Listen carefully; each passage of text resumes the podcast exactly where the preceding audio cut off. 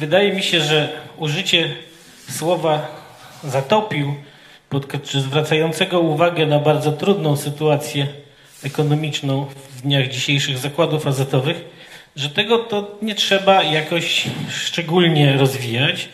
Wystarczy przywołać tylko ogromną stratę, zmierzającą podobno do miliarda złotych za 2023 rok.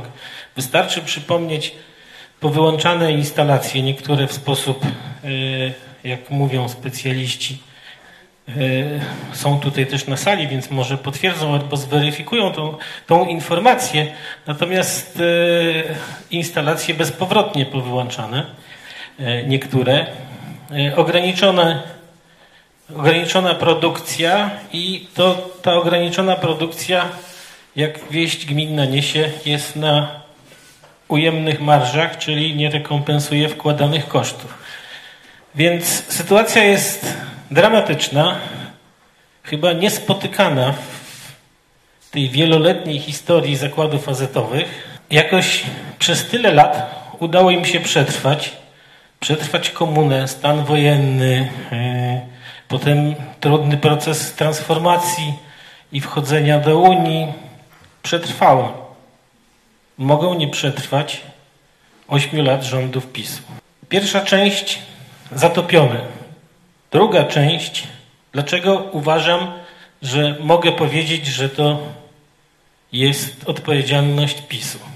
Chyba wszyscy też wiemy, a jak nie, wie, nie wiecie Państwo, to służy informacjami dokładniejszymi, ale może, tak powiem, off the record, bo tych informacji jest bardzo dużo. Wszyscy wiemy, że tak naprawdę od, od 16 roku, od marca, kiedy nastąpiła zmiana, zmiana władz, skończyła się chyba w zakładach azotowych, miejmy nadzieję, że na chwilę, ale skończyła się epoka y, kompetentnych zarządzających, a spadł na azoty desant politycznych mianowańców bez kompetencji, będących desygnatami jakiejś określonej, chwilowo mającej przewagę frakcji w rządzącej partii.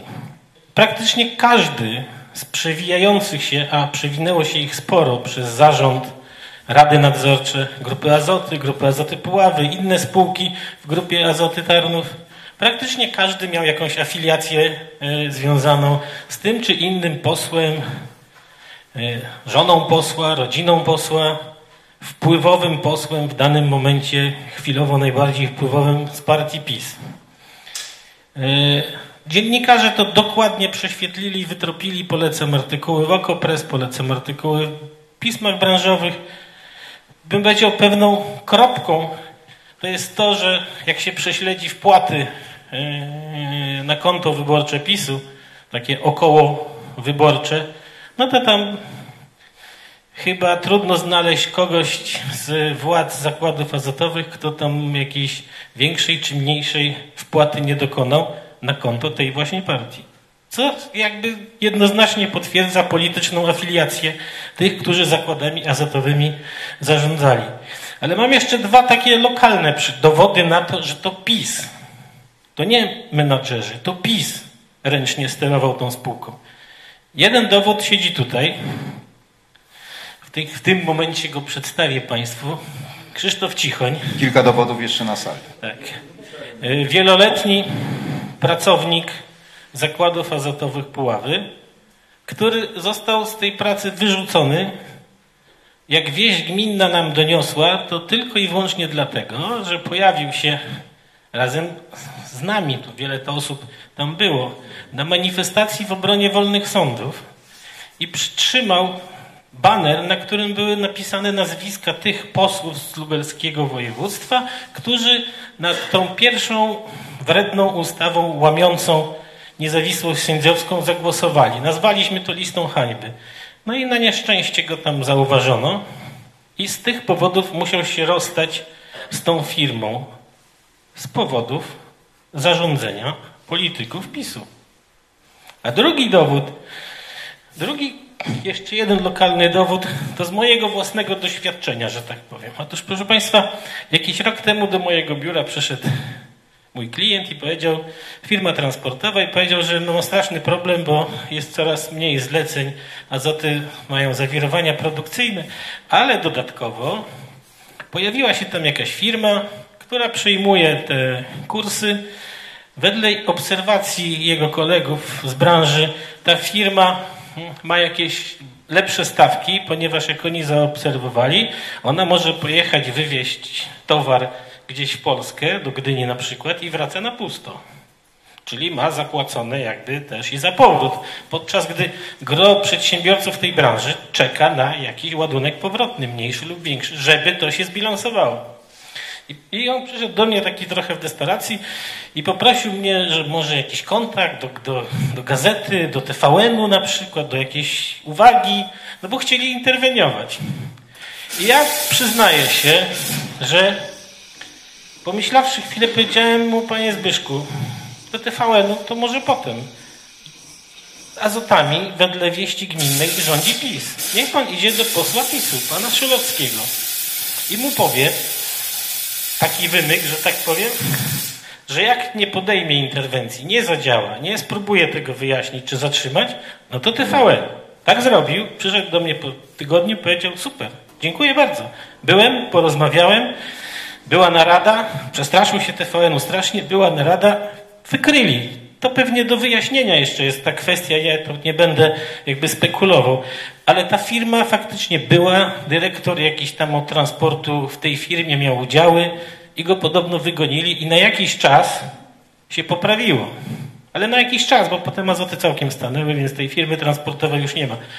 Kolejny, już chyba ostatni dowód, chyba że ktoś jeszcze nie wierzy w to, że to PiS odpowiadał za sytuację w zakładach azotowych. Nikt inny, tylko oni. Przez ostatnie 8 lat. W 16 roku pojawił się PiS i co zrobił natychmiast po wyborach? Otóż on złamał czy uznał za niebyłe zapisy umowy konsolidacyjnej, które zostały wynegocjowane w trakcie konsolidacji. Jako jeden z warunków udało się takie zapisy do tej umowy konsolidacyjnej e, wnieść w stronie puławskiej w których to zapisach no, próbowano zapewnić e, silną pozycję temu najsilniejszemu podmiotowi tej dużej grupy, jakim były Azoty Puławskie, najsilniejszemu ekonomicznie. To były w skrócie bo to też trochę powiem wieść gminna o tym mówi, bo ta umowa jest poufna, więc e, ja nie widziałem oryginału nigdy w życiu, ale od wielu osób słyszałem, a nawet potwierdzili to chociażby, powiem znowu, tak zwany argument a contrario. Pan minister Soboń swego czasu przyjechał do zakładów azotowych i mówił, no ta umowa była i tam zapisy takie były, ale ona już nie obowiązuje. Czyli, że potwierdza, że były. Dwa najważniejsze, jak mi się wydaje, zapisy dotyczyły tego, że dwóch członków zarządu w grupie grupie Azoty miało, musiało być z Azoty Puławy i dwóch członków Rady Nadzorczej. Do 15 roku, w zasadzie do 16, kiedy nastąpiły w marcu chyba te dymisje, kiedy PiS wkroczył, do 16 roku było nawet trzech członków w zarządzie grupy Azoty z Puław i dwoje, jeśli dobrze pamiętam, e, w Radzie Nadzorczej. I jakoś to funkcjonowało.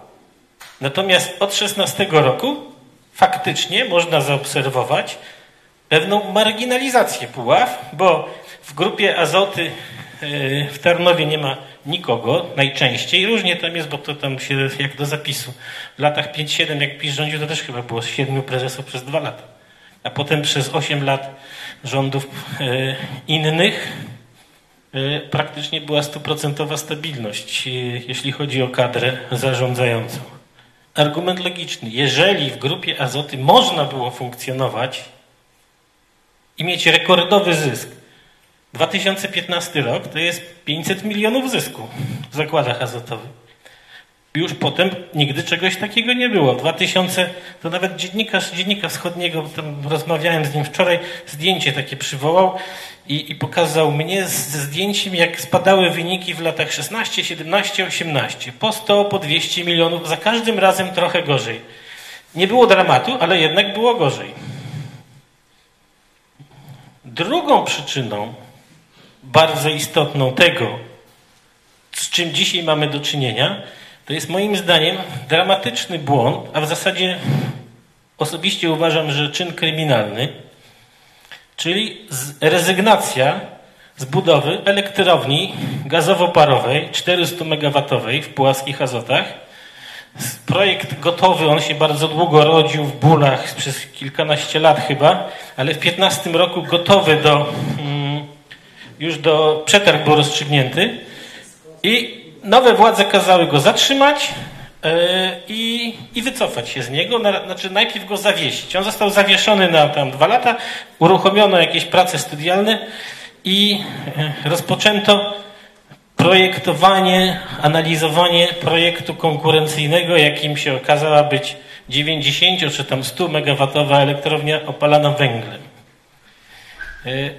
Finalnie, bo ona jest realizowana, jeszcze nieskończona, finalnie za te same pieniądze. To już to samo jest jakieś absurdalne, ale jeszcze bardziej jest absurdalne to, że decyzja o ostateczna decyzja o rozpoczęciu tej budowy i tak dalej, ona zapadała prawie w tym samym momencie, kiedy w Ostrołęce Tauron, przejęty przez Orlen i Obajtka, y, wycofywał się z zaawansowanego już na półtora miliarda projektu budowy elektrowni węglowej i zastępował ją y, elektroblokiem gazowo-parowym. Z różnych powodów rozmawiałem z wieloma osobami z branży tej energetycznej w zakładach azotowych. Z różnych powodów ten projekt węglowy jest kompletnie bez sensu ekonomicznie. Y, jest za drogi w stosunku do efektu a przede wszystkim no nawet i taki w tym samym momencie, jak ten projekt był finalizowany, to nasze władze pisowskie jeździły do Brukseli i tam trochę potajemnie, no w dyskrecjonalnie dogadywały się z Unią, że my oczywiście wchodzimy w ten pakiet zielonej energii. My tam będziemy od tej energii węglowej odchodzić, no może tam chwilę dłużej niż tam, tam, tam 55, bo może tam 40, 20, ale przecież Morawiecki to wszystko by podpisywał. Nawet pamiętam ten, że sam pan minister Soboń jeździł i temu zgadniał z górnikami, jak to będziemy odchodzić od tej energetyki i jednocześnie zafundował e, Puławą właśnie tą elektrownię na węgiel, która ma, nie wiem, 5, 7, 8 lat funkcjonować? Poprzednia 50 była. To jest jakiś absurd, proszę Państwa, ekonomiczny. I ten absurd ekonomiczny skłonił mnie jeszcze, nie, chcę, nie, nie, nie, nie, to nie jest chwalenie, tylko skłonił mnie do tego, żeby w 19 roku osobiście pójść do prokuratury i złożyć zawiadomienie o popełnieniu przestępstwa, artykuł chyba 296 znalazłem w kodeksie karnym, niegospodarność, wielkich rozmiarów. Tam na, wypisywałem E, oczywiście prokuratura, nawet Pułaska to się mnie tam przesłuchała, po czym uznała, że jak to są te miliardy, no bo to są miliardy, no to ona jest niewłaściwa, przesłała to do regionalnej, e, okręgowej, przepraszam. Okręgowa, jak się po latach dowiadujemy, jedna z ulubionych prokuratur pana ministra Ziobry, niech mu zdrowie służy jak najdłużej, bez ironii to mówię, E, oczywiście umorzyła to postępowanie. Jak ja próbowałem skarżyć to, to się okazało, że ja, jak ja nie jestem pokrzywdzonym, tylko zawiadamiającym, bo pokrzywdzonym to wiecie Państwo, kto jest wedle prokuratury? Zarząd zakładów azotowych, czyli ten, który tą decyzję wymyślił, a on się nie czuł pokrzywdzonym, no bo sam przecież to musiał być jakiś masochizm. W każdym razie ja myślę, że do tej sprawy dzisiaj trzeba wracać, bo, znaczy wrócić, znaczy nie myślę, jestem pewien, że trzeba wrócić, bo to, tak nie, to, to nie może być nierozliczone. A to nie była decyzja ekonomiczna, żebyście byli Państwo świadomi, tylko to była decyzja stricte polityczna, a twarzą tej decyzji politycznej były dwie sympatyczne panie posłanki PiS z Lubelskiego, pani Kruk i pani Mazurek, które przyjeżdżały tutaj do Puław, mówiły, zróbcie sobie fajną elektrownię na węgiel, ale to po co tak mówiły? A po to, żeby pojechać do Bogdanki, powiedzieć, będzie elektrownia na węgiel, a wy będziecie mieć robotę tam przez 20 lat. Czyli no, na kogo głosować? No przecież na panie te, no. Wiedzą, co mówią. I ten problem, on dzisiaj powoduje, że yy, azoty stają się niekonkurencyjnie wewnętrznie, bo naszym najbliższym konkurentem, który nie jest w grupie azoty, to jest Włocławek. I oni mają jakoś tak elektrownię gazowo-parową. Można było zrobić? Można. E, zrobili te inwestycje, które tutaj się jeszcze nie pokończyły. No jakoś tam, nie wiem, we Włocławku nie było pani Kruk, pani e, jak pan Mazurek i ministra Sobonia, magika od wszystkiego. Dlatego jakoś on stoi sobie dzisiaj. I to jest też z kolei odpowiedź na pewien jeszcze jeden, bym powiedział, zarzut, że to nie PiS, nie? Że, to nie, że to nie PiS i błędne decyzje, Makroekonomia, proszę Państwa. Takie słowo magiczne, makroekonomia. Czyli warunki, drogi gaz, drogi węgiel, droga energia, wszystko nawet to prawda. Jak na, bym powiedział, propagandistów PiSu, nawet logiczne. I oczywiście, że tak. To na pewno jest jakiś fragment e, przyczyn dramatu zakładów azotowych, makroekonomia. Kwestia makroekonomii, która oczywiście, że miała istotny wpływ na kondycję całej branży, w całej Europie, bo może na świecie nie, bo to różnie jest, ale że ona nie jest decydująca, jeśli chodzi o zakłady azotowe Puławy, no to możemy wywieźć choćby stąd. Czy Anwil Włocławek to on w innej makroekonomii funkcjonuje? Czy on nie ma konkurencji? Czy on nie ma importu? Yy, czy nie ma drogiego gazu, choć ten gaz jest dużo tańszy teraz niż przed wojną nawet, czy on, ale czy on nie ma, nie wiem, yy, taniego produktu z importu? Ma, no bo niestety tego doświadczamy. O tym też trzeba notabene mówić. Byłem pracownikiem najpierw azotów w Puławach, a później grupy azoty Puławy od roku 83. To, co się stało, to moje zwolnienie, było efektem, no niestety, nie odwagi, też nie bezmyślności, ale normal, normalnego zachowania, moim zdaniem dla każdego obywatela, który interpretuje działania rządu, w tym przypadku PiSu, w sposób odpowiedni i stara się protestować. To były liczne i powiem szczerze, no, mm, protesty, ale jednocześnie mm, konsekwencje mnie dotknęły. No, jest tak, że przez e, prawie dwa lata nie miałem pracy. Ale w dalszym ciągu cenię sobie zakłady, 34 niemalże lata pracy w tej firmie, da, daje mi moim zdaniem uprawnienie do tego, żeby o tej firmie mówić.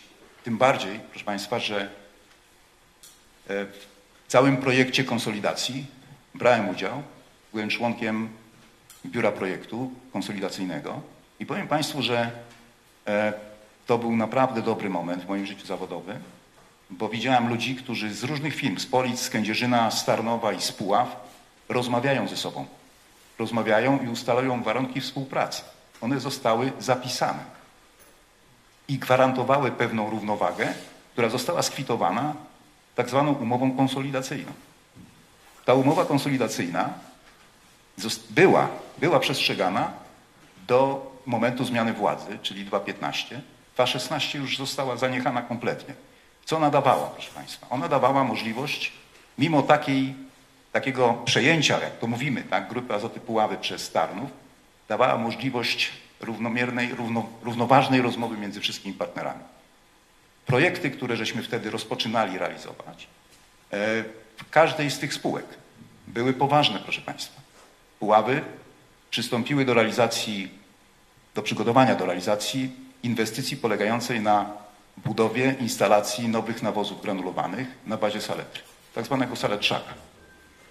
Niebywały wzrost jakości procesu, produkcji, produktów i niebywały, proszę Państwa, też wzrost potencjału.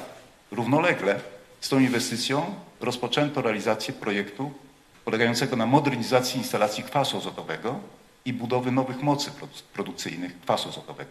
Po to, żeby nie zabrakło kwasu do produkcji saletrzaka. To było jasne i oczywiste. I co się stało, proszę Państwa? Rok 2016. Instalacja, instalacja modernizacji kwasu. Planowany termin zakończenia 21 rok. I tak było, proszę Państwa, do roku 18. Nagła zmiana to wynika z raportów giełdowych, które spółka ma obowiązek przedstawiać rocznych. 24 rok. Trzy lata. A wiecie Państwo, jaki jest termin dzisiaj? 28 rok. Instalacja saletry, 20 miesięcy opóźnienia, ale już pracuje, powinna pracować. Co się stało? Gdyby dzisiaj rynek się otworzył na puławskie produkty, to proszę Państwa, nie byłoby optymalizacji kosztów wytwarzania. Nie mówiąc o jakości tego kwasu, który miał być zdecydowanie bardziej stabilny, mówię, bardziej stabilna miała być ta, ta jakość i zapewniać cały czas stabilną jakość produktu końcowego. Pytanie jest takie, co się stało? Dlaczego nie kontynuowano w terminach założonych? 21 rok, 28, mówię o kwasie azotowym. 20 rok, a 22 zakończenie instalacji, budowy instalacji saletry, saletrzaka. Proszę Państwa, to wynika tylko i wyłącznie z tego, że Puławy nie miały głosu Puławach był wytwarzany dochód, był generowany dochód. Nie jest tak, że tragiczna sytuacja trwała przez 6-7 lat. Tylko, że ten dochód finansował straty pozostałych podmiotów w grupie. To jest oczywiste. Interpretacja jest jasna. Wystarczy popatrzeć na poziom dywidend wypłacanych bezpośrednio do głównego akcjonariusza, do Tarnowa, właściciela. Nie było środków. Puławy zostały w roku 2000, moim zdaniem, 16-17 zatrzymane w rozwoju. Los Puław, ale nie tylko Puław, również Lubelszczyzny, a generalnie moim zdaniem też i polskiego rolnictwa, jeśli chodzi o dostępność do nawozów, do środków produkcji rolnej, no ten los jest dzisiaj y, no, zagrożony. I to też jest argument społeczny, publiczny, który jestem przekonany, rządzący dzisiaj krajem biorą pod uwagę w odróżnieniu od tych, którzy do 15 października sprawowali jeszcze faktyczną władzę. Na to liczę i jestem przekonany, że decyzje będą właściwie podjęte, właściwie, czyli na podstawie konkretnych argumentów, konkretnych analiz, badań. Jak można doprowadzić jedną z lepszych fabryk, na nie wiem, w Europie może, w Polsce na pewno, doprowadzić do stanu bankructwa, robić to bezczelnie, niekompetentnie, po złodziejsku, bo tak to też trzeba nazwać. Ja to mógłbym Państwa zasypywać informacjami, jak azoty bankrutują, a jakie wynagrodzenia mają prezesi na przykład. Nagrody, proszę Państwa, z zysku mają. Nagrody za osiągnięcia. Nas, powymyślane są takie, jakbym powiedział, bezczelne przepisy na grabież i grabią. I oni teraz będą obciążać, już, już, proszę bardzo, winny jest. Kolejka się ustawia do, do przerzucania się odpowiedzialnością. No nie, tak to nie może być. Tak nie może być. A jednocześnie widzę, że po tej stronie osób naprawdę kompetentnych, yy, yy, nie wiem, z okolic, bym powiedział, byłej kadry zakładów azotowych, cisza. Cisza. No nikt po prostu o tym nie mówi. Przynajmniej ja nie słyszę w przestrzeni publicznej jakiegoś silnego, jednoznacznego głosu. Więc sobie pomyślałem, no jak nikt, no to dobra, no to ktoś niech to mówi. Ja do Państwa nie wiem, jeżeli dla kogokolwiek z Was wiedza, którą, myślę, że to jest wiedza, a nie interpretacja wiedzy, no jest to jakieś może ocenne, ale to są fakty. No, straty są faktami. To, że te decyzje były podejmowane durne, to, że elektrownia gazowa miała kosztować miliard dwieście, czterysta megawatowa, a kosztuje miliard dwieście dziewięćdziesiąt, że tam stu megawatowa na węgiel, co jest absurdem dzisiaj, to są fakty. To, to, to, to trudno interpretację. Nawet byłem ciekaw, czy ktoś tutaj przyjdzie, będzie tego bronił. Nie, to tam są jakieś argumenty, bo ja spotykałem się. Na przykład pamiętam w dziewiętnastym roku, jak ja ten temat z prokuraturą uzgadniałem, to pan Kamiński zrobił konferencję prasową i przekonywał, że to w ogóle jest, ten, ten gaz jest nieekologiczny, bo emisja dwutlenku węgla będzie dwa razy większa przy 400 megawatowym kotle mm, gazowym niż przy 100 megawatowym, no bo tak, bo jest dwa razy mniejsza emisja dwutlenku węgla przy, przy uzyskiwaniu tam energii z gazu, a jak ona jest cztery razy większa, no wszystko by się zgadzało, tylko to jest po prostu absurd, prawda? Bo Absurd. Już nie mówię, to tak bym powiedział, się ociera o tą... Jest taka pani minister, ostatni, znaczy pani poseł z PiSu, która dostała nagrodę za bzdurę ekologiczną roku, bo ona powiedziała, że nie ma się co w ogóle martwić się o emisję dwutlenku węgla, bo przecież ten dwutlenek węgla jest potrzebny, bo rośliny go potrzebują do fotosyntezy. No po prostu rewelacja. To jest ten sam poziom argumentacji. Ale wiecie Państwo, ona się pojawiała. Teraz jakoś jej nie słyszę, ale jednak myślę, że do niektórych ludzi to tak, ten plakat mógł przemówić. O cholera, no to Platforma nam załatwiła fabrykę. Co prawda szybko się uwinęła, nie? Bo 15 października, tutaj mamy, to był styczeń, no załatwili skurkowańcy. No nie załatwili. Wiadomo, kto to załatwił. I oni muszą być rozliczeni. To nie może być tak, jak było po siódmym roku, gdzie też były jakieś karuzele, gdzie też były jakieś machloje i potem coś w rodzaju grubej kreski. Gruba kreska to nie dzisiaj. Ale to po to to spotkanie, szanowni państwo. Naprawdę po to. I ja was proszę, jeżeli to, co tutaj usłyszeliście, nie wiem, nie jest, nie jest kwestionowa, kwestionowane, jeżeli ktoś nie polemizuje, czyli traktujemy to jako jakiś element wiedzy, to proszę o tym mówić. Proszę to powtarzać. Żeby to dotarło do ludzi w Puławach. po prostu ta formacja tutaj moim zdaniem nie ma prawa bytu. Po prostu trzeba by się wstydzić, tak jak, wiecie Państwo jeszcze tak, były wybory parlamentarne, tak? No to te wybory kombinowali, przepraszam bardzo, ta narracja kombinowana była jak kulawy koń pod górę. No, no tak to wyglądało, bo na przykład, no jest strasznie w tych azotach, ludzie to wiedzą, stoją wydziały zamknięte na głucho, już niektóre nie do uruchomienia, no to coś tu trzeba temu elektoratowi coś powiedzieć, no to do Orlenu pójdziemy, nie? No pójdziemy do Orlenu, będzie super. Obajtek mówi, że to fajnie. Może i pójdziecie do tego Orlenu. Okazało się, że to tak do końca nie zażarło, bo jednak, no, jakby Orlen tak bardzo chciał, to by tam ich wziął, ale ich nie brał, tylko mówił, że weźmie, prawda? No to trzeba było dopalać jakiś drugi wymyśleć. Wiecie, co wymyślili? SMR-y będą. Będzie elektrownia atomowa, której jeszcze tam tak naprawdę nigdzie nie ma. I teraz tak, do tej węglowej sobie dostawimy atomową, to po prostu no cud techniki i ekonomii. No, najlepszy na świecie pomysł, nie? Oczywiście po wyborach nie ma SMR-ów, nie ma Orlenu, wszystko się tam pochowało, ale Platforma. Ale Platforma. Nie. Drodzy koledzy z PiSu, to wasza wina.